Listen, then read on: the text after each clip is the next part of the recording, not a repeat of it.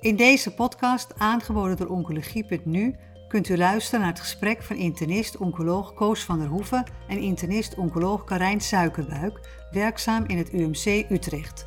Zij is voorzitter van de wetenschappelijke commissie van de DMTR. Aan bod komen de laatste ontwikkelingen met betrekking tot de behandeling van het melanoom, gepresenteerd tijdens de ASCO 2020 Virtual. Ik praat met uh, dokter Karijn Suikerbuik, internist-oncoloog in het UMC Utrecht, over de belangrijkste bevindingen over het gemetastaseerde melanoom en over het melanoom in zijn algemeenheid tijdens de laatste ASCO. Uh, Karijn, hoe is het je bevallen deze ASCO? Ja, het is toch uh, wat anders dan dat je er live bent. Ik moet eerlijk zeggen dat ik het wel een beetje mis. Ja. Maar de inhoud was denk ik nog steeds interessant. Oké, we gaan een aantal onderwerpen bespreken en we beginnen met een heel uh, nieuw concept. Wat, um, dat gaat over neoadjuvante immunotherapie bij patiënten met een stadium 3 melanoom, de zogenaamde PRADO-studie. Kan jij me vertellen wat de PRADO-studie inhoudt en wat de belangrijkste bevindingen waren? Ja, de PRADO-studie is eigenlijk het uh, vervolg op de OPESE NEO, um, die uitgezocht had wat een, uh, een, effectieve en verdraagbare dosis was voor neoadjuvante behandeling van patiënten met een stadium 3 melanoom met meetbare klieren.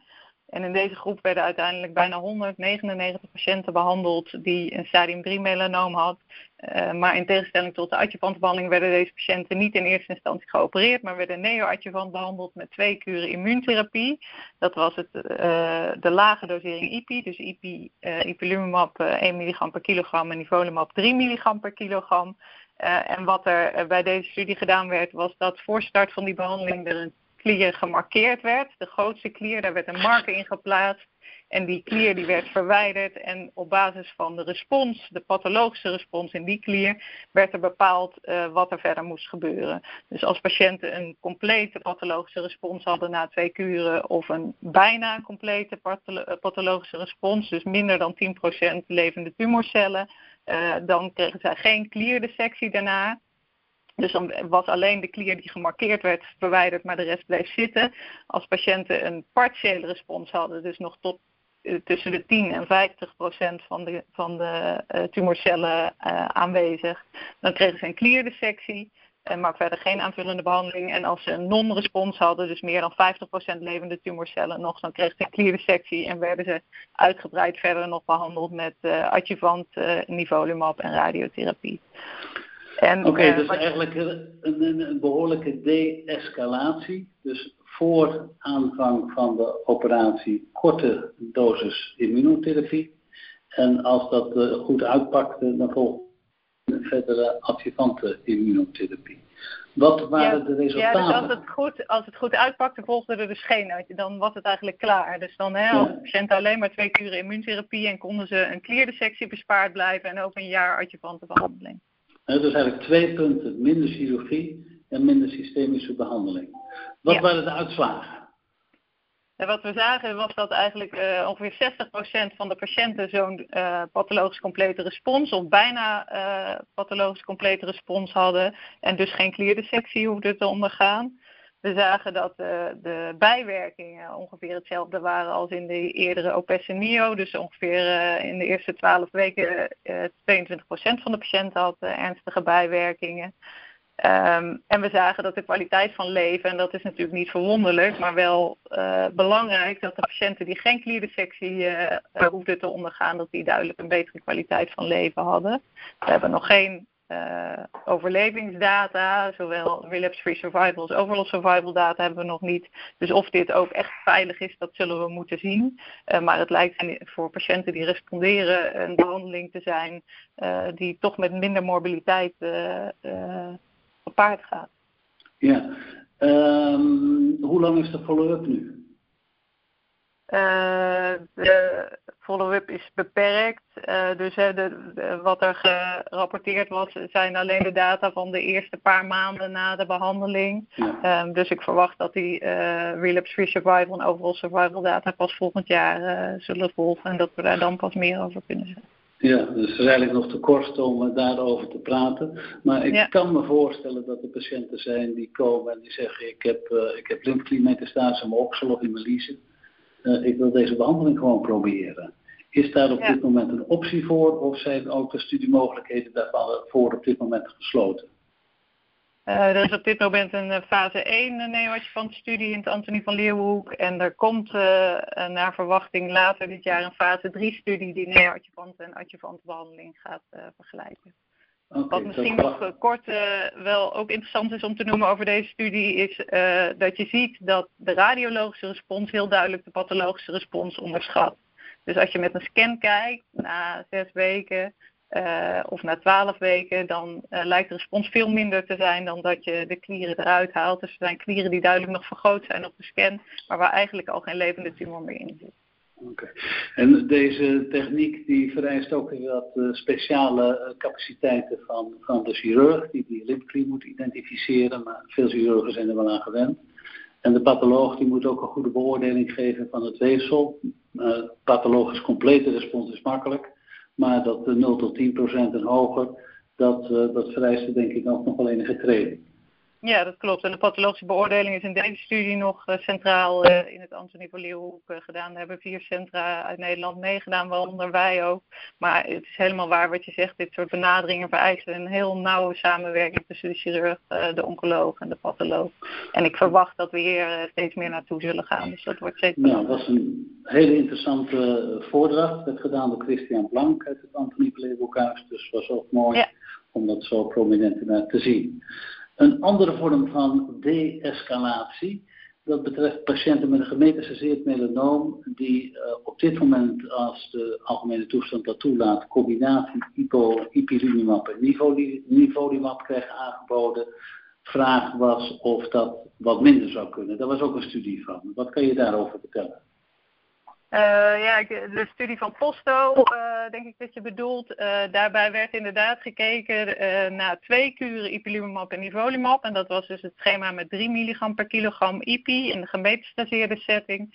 en er werd met een scan na zes weken, dus na twee kuren, gekeken naar de respons.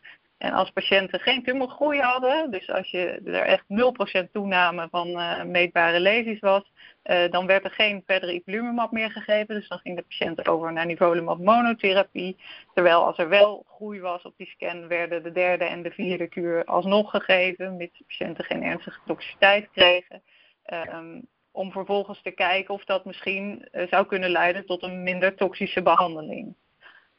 Ja. Nou, dat kan je je denk ik afvragen, maar op de resultaten zullen we zo komen. Maar het doel was inderdaad dus om te kijken of misschien twee kuren ipilimumab, nivolumab wel net zo goed uh, zijn voor sommige patiënten als vier.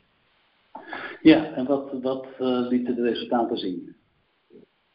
Ja, dus wat je ziet is uh, dat patiënten die, uh, dat werd als veet gedefinieerd in het onderzoek, dus die geen groei hadden na twee kuren, ehm, dat, dat er in de hele studie een hele mooie responsrate van 57% werd bereikt, wat eigenlijk vergelijkbaar is met de studie ehm, waar vier kuren gegeven wordt. Dus wel maar een fase 2 studie met 60 patiënten, dus daar moet je altijd een beetje voor oppassen.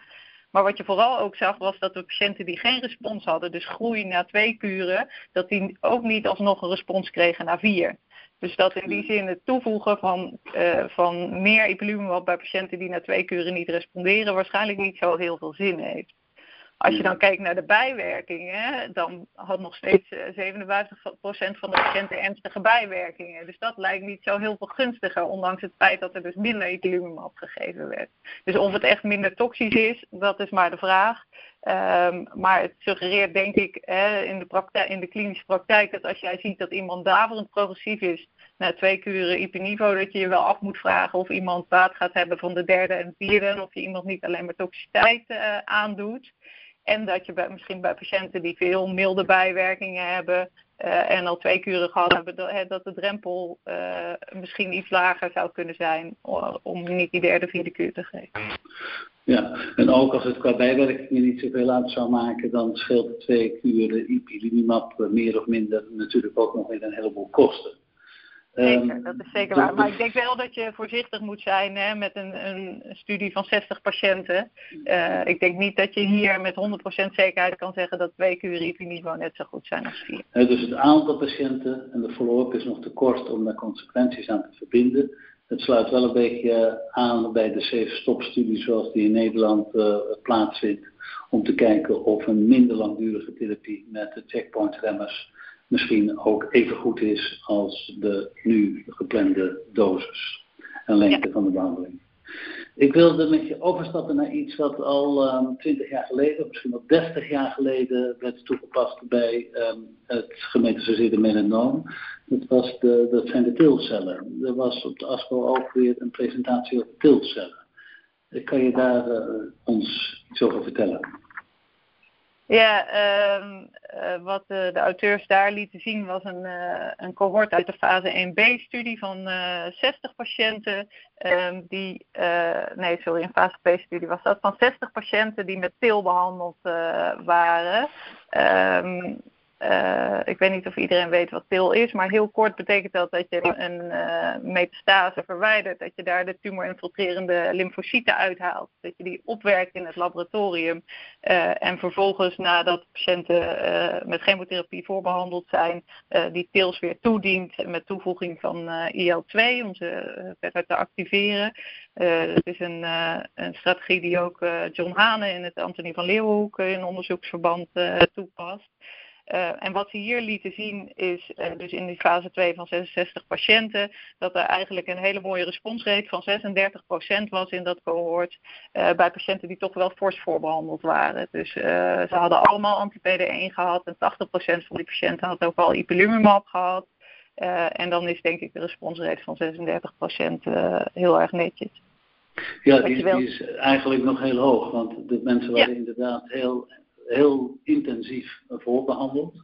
En misschien heb je dan ook wel een selectie van een groep die, uh, die, die erg sterk is. Want veel van de mensen die een uitgebreide behandeling voor het melanoom hebben gehad, die hebben het moment gepasseerd dat ze zo'n uh, behandeling met TILS nog kunnen ondergaan. Of is dat niet ja. correct? Ja, dat zou kunnen. Wat ze bijvoorbeeld wel zagen was dat, eh, wat we ook wel van andere immuuntherapieën weten, dat mensen met een sterk verhoogd, dus meer dan twee keer verhoogd LDH, dat die een minder goede kans op respons hadden. Maar er zaten toch ook wel uh, patiënten met hersenmetastase bijvoorbeeld in. Dus het was niet een hele, hele goede groep. Maar inderdaad, de patiënten die dit soort studies redden, dat is, daar heb je ook een bepaalde selectie in. Uh, dat is misschien wel mooi aan de studie die, uh, die John doet in het AVL, hè, dat dat een gerandomiseerde studie in de tweede lijn is, waar je dus misschien iets meer zicht hebt over wat dat betekent voor alle patiënten. Ja, dus nog steeds een optie voor mensen die al eerder met checkpoint remmers behandeld waren en daarop progressief waren. Um, het mucosale melanoom, dat is maar een, een, klein groepje van de patiënten met melanoom. Weet je hoe, hoe groot die groep ongeveer is? Ja, in Nederland is die heel... Met, met, ja? Ja, precies weet ik het niet. Uh, ik denk minder dan 10% in Nederland. Ja. Uh, uh, dit was een Aziatische studie en daar komt het wel meer voor, mucosaal melanoom. dus want mucosaal melanoom die doet het eigenlijk slecht op de gebruikelijke behandelingen die we hebben voor ja. gemetastaseerd melanoom. Ja, en die er was nu een studie met een andere aanpak. Ja, dus wat, wat, ze in deze studie bekeken hebben is de toevoeging van een anti-VEGF, dus axitinib aan een anti-PD1. Uh, bij patiënten met mucosaal melanoom. Was een kleine studie, 33 patiënten, fase 1 studie, uh, maar toch wel met hoopvolle uh, resultaten, denk ik. Ja, hoe waren die resultaten? Kun je iets over de respons zeggen? Ja, de respons was bijna 50% En dat is voor mucosaal melanoom ongeëvenaard, zeg je dat zo in het Nederlands. Ehm, ja. Hè, dus echt, ja, en, en over het algemeen ook durable responses. Dus uh, uh, 14 maanden was volgens mij de follow-up. De meeste responsen waren ongoing. Um, dus dat is heel mooi. En de, de bijwerkingen, 40% van de mensen kregen ernstige bijwerkingen, dus gaat drie toxiciteit. Wat ook wel gunstig lijkt als je bijvoorbeeld met IP-niveau vergelijkt, wat nu toch wel redelijk standaard is voor uh, mucosaal melanoom.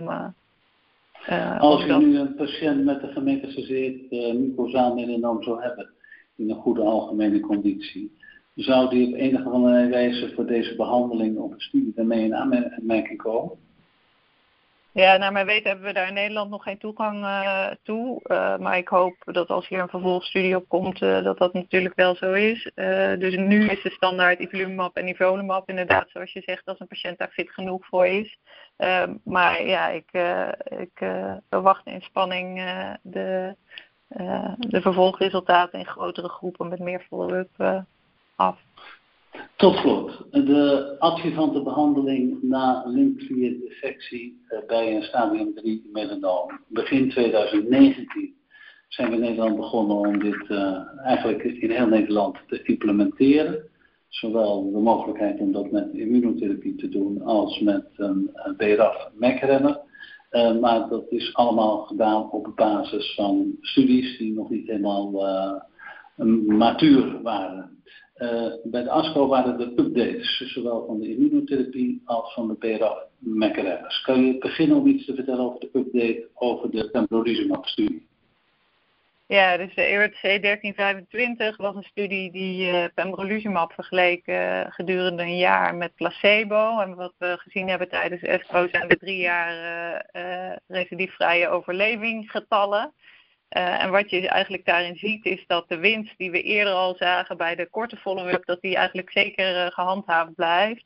Uh, dus als je de, die twee groepen met elkaar vergelijkt, zie je dat de relapse-free survival voor de patiënten die placebo kregen 44% is en 64% voor de patiënten die pembrolizumab kregen. Dus een 20% winst. Ja, en verschillen overall survival kon nog niet gerapporteerd worden, hè? Nee, nee, die data zijn er nog niet. En ze hebben wel gekeken naar verschillende subgroepen. En dan zie je eigenlijk dat het in de verschillende stadia, dus 3A, B, C en met PDL1-expressie wel of niet, dat dat eigenlijk niet zoveel verschil maakt. Er leek wel een klein verschil te zijn tussen de BRAF-mutante groep en de niet-mutante groep, dus de wildtype-groep. Um, maar overal lijken alle patiënten daar eigenlijk toch wel uh, in de vergelijkbare mate bij te De winst is voor alle patiënten in ieder geval een relapse-free survival. Dan voor ja. de BRAF gemuteerde patiënten, daar braafvinib en trametinib. Ja, daar was, is de follow-up al wat langer. Dus daar uh, hadden we al eerder 3,5 jaar uh, RFS van gezien. En zagen we dus nu de 5 jaar relapse-free survival. Uh, die 52% in de behandelde groep was ten opzichte van 36% in de placebo groep. Um, dus ook een, een, aanzienlijke winst in RFS. En ook daar zag je dat eigenlijk als je kijkt naar de oude stagering zoals die in de studie gebruikt is. Terug in alle subgroepen. Dus in 3A, 3B en 3C. Wat ze wel lieten zien is dat als je de nieuwe klassificatie gebruikt, dus de EDC 8, dat de 3A-subgroep, dus dat zijn de, de uh, patiënten met alleen een positieve sentinel node en een laag T-stadium, dat er daar eigenlijk geen winst in, in, was. Nou is dat een post-hoc analyse, kleine groepen, moet je voorzichtig mee zijn, maar dat vond ik nog wel opvallend. Uh, maar overal uh, lijkt dus ook de BRAF-MEC in langere follow-up een, een relapse-free survival winst en ook hier nog geen getallen over de overall survival verschillen. Hoewel vijf jaar follow-up natuurlijk wel een hele tijd is. Nou is het zo dat in het coronatijdperk uh, sommige mensen zeggen dat immunotherapie mogelijk toch risicovol is om dat aan eh, patiënten op dit moment te geven, ook in de adjuvante setting. Is dat een, eh, zou dat een reden voor je kunnen zijn om met die vijfjaarsuitkomsten bij de BRAF gemuteerde patiënten eerder voor de targeted therapie te kiezen? Of zeg je dat dat uh, geen... Ja, dat zou kunnen. Um, er is uh, in het begin heel erg gespeculeerd over de risico's van immuuntherapie en ARDS-beelden. Tot nu toe hebben we daar eigenlijk nog heel weinig van gezien. en ik denk, we behandelen heel veel patiënten in Nederland met deze middelen. Um, dus uh, hè, als je daarover nadenkt, zouden die risico's voor checkpoint remming er kunnen zijn. Maar de series tot nu toe uh, laten daar geen hele harde signalen voor zien. Aan de andere kant, patiënten hoeven minder naar het ziekenhuis te komen. Dus alleen dat al kan een reden zijn om uh, te zeggen hè, dat je liever BRAF-MEC geeft. Oké, nou mooie resultaten. Waren er nog dingen die je gehoord hebt, want gezien heb je ze niet, waarvan je zegt, die wil ik echt nog vertellen? Nee, nou, eh, de, wat, wat ik nog wel, uh, wat denk ik nog wel belangrijk is om te noemen, is dat er wat data waren voor de PD1-refractaire groep. Dus patiënten die anti-PD1 gehad hadden en progressief waren. Waarbij er zowel een retrospectieve serie als een kleine fase 2 was die keken, uh, die uh, IP alleen versus IP-niveau vergeleken. Waarbij eigenlijk uit allebei bleek dat de responskans bij IP-niveau toch wel duidelijk groter was. Um, ook daar verwachten we nog op een gerandomiseerde fase 3, maar ik denk dat dat toch wel gaat maken dat we sneller neigen om IP-niveau te geven bij patiënten die progressief zijn op anti-PD1. Oké, okay, nou een heel mooi overzicht. Dank voor deze toelichtingen en uh, graag tot de volgende keer. Bent u geïnteresseerd in meer podcasts? Deze zijn te vinden op de website oncologie.nu.